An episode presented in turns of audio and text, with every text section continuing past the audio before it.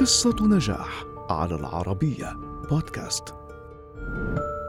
واحدة من أشهر الشخصيات الإعلامية في العالم، تركت بصمة في عالم البرامج الحوارية يصعب تكرارها.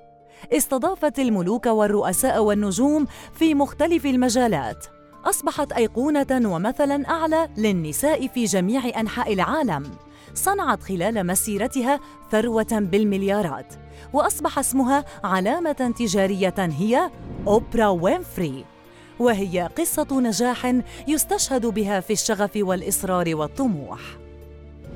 ولدت أوبرا وينفري في أمريكا في العام 1954 وتنقلت بطفولتها بين جدتها وأمها. واستقرت مع والدها في ولاية ناشفيل الأمريكية. وكانت لها شعبية كبيرة بين زميلاتها في الدراسة. وعندما بلغت سن السابعة عشرة فازت وينفري بجائزة ملكة جمال الأمريكيات من أصل إفريقي في ناشفيل. وجذبت بعد ذلك انتباه المحطات الإذاعية والتلفزيونية وتم توظيفها كمقدمة للأخبار بدوام جزئي. دخلت وينفري البرامج الحوارية في العام 1978 ببرنامج اسمه حديث الناس وتابعت شغفها في هذه المهنة حتى انتقلت إلى شيكاغو في العام 1984 لتقديم برنامج بجماهيرية بسيطة اسمه أم شيكاغو. ومع استلام أوبرا وينفري للبرنامج سرعان ما نمت جماهيريته بفضل أسلوبها الحواري المميز وقربها للمشاهد. وفي العام التالي 1985 صعدت وينفري درجة جديدة من سلم نجاحها. فقد لعبت دورا مهما في الفيلم الدرامي اللون الأرجواني للمخرج الشهير ستيفن سبيلبرغ وتم ترشيحها لجائزتي الأوسكار والجولدن جلوب. وعلى الرغم من أنها لم تفز بأي منهما فإن ترشيحها كان له دور كبير في إبراز موهبتها. وفي الوقت نفسه راح برنامجها أم شيكاغو يأخذ شعبية بين الناس حتى تحول في العام 1986 إلى البرنامج الشهير الذي يحمل اسمها أوبرا وينفري. وأصبح خلال وقت قصير البرنامج الأعلى مشاهدة وتقييما في أمريكا. سيطر برنامج أوبرا وينفري على اهتمام ومتابعة الجماهير من حول العالم خاصة بعدما استضافت مايكل جاكسون في العام 1993 بعد أن كان غائبا عن المقابلات لأكثر من عشر سنوات.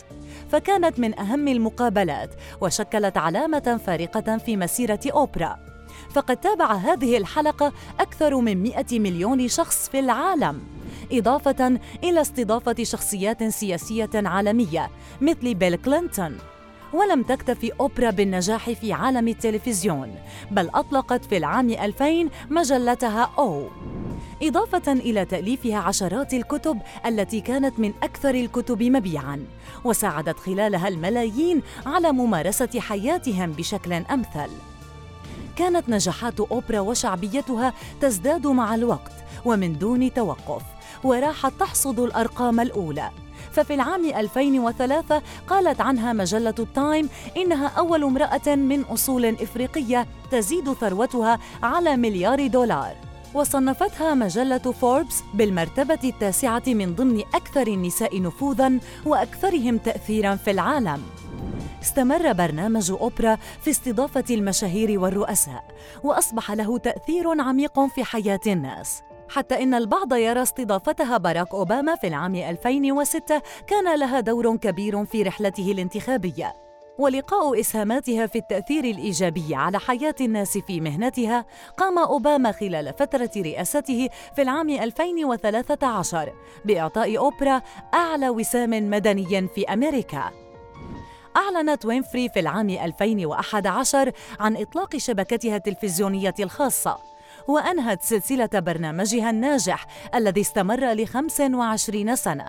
لكن أوبرا لم تتوقف عن العمل ومسيرتها ما زالت حافلة في إلهام العالم وإبراز المعنى الحقيقي للنجاح المستمر.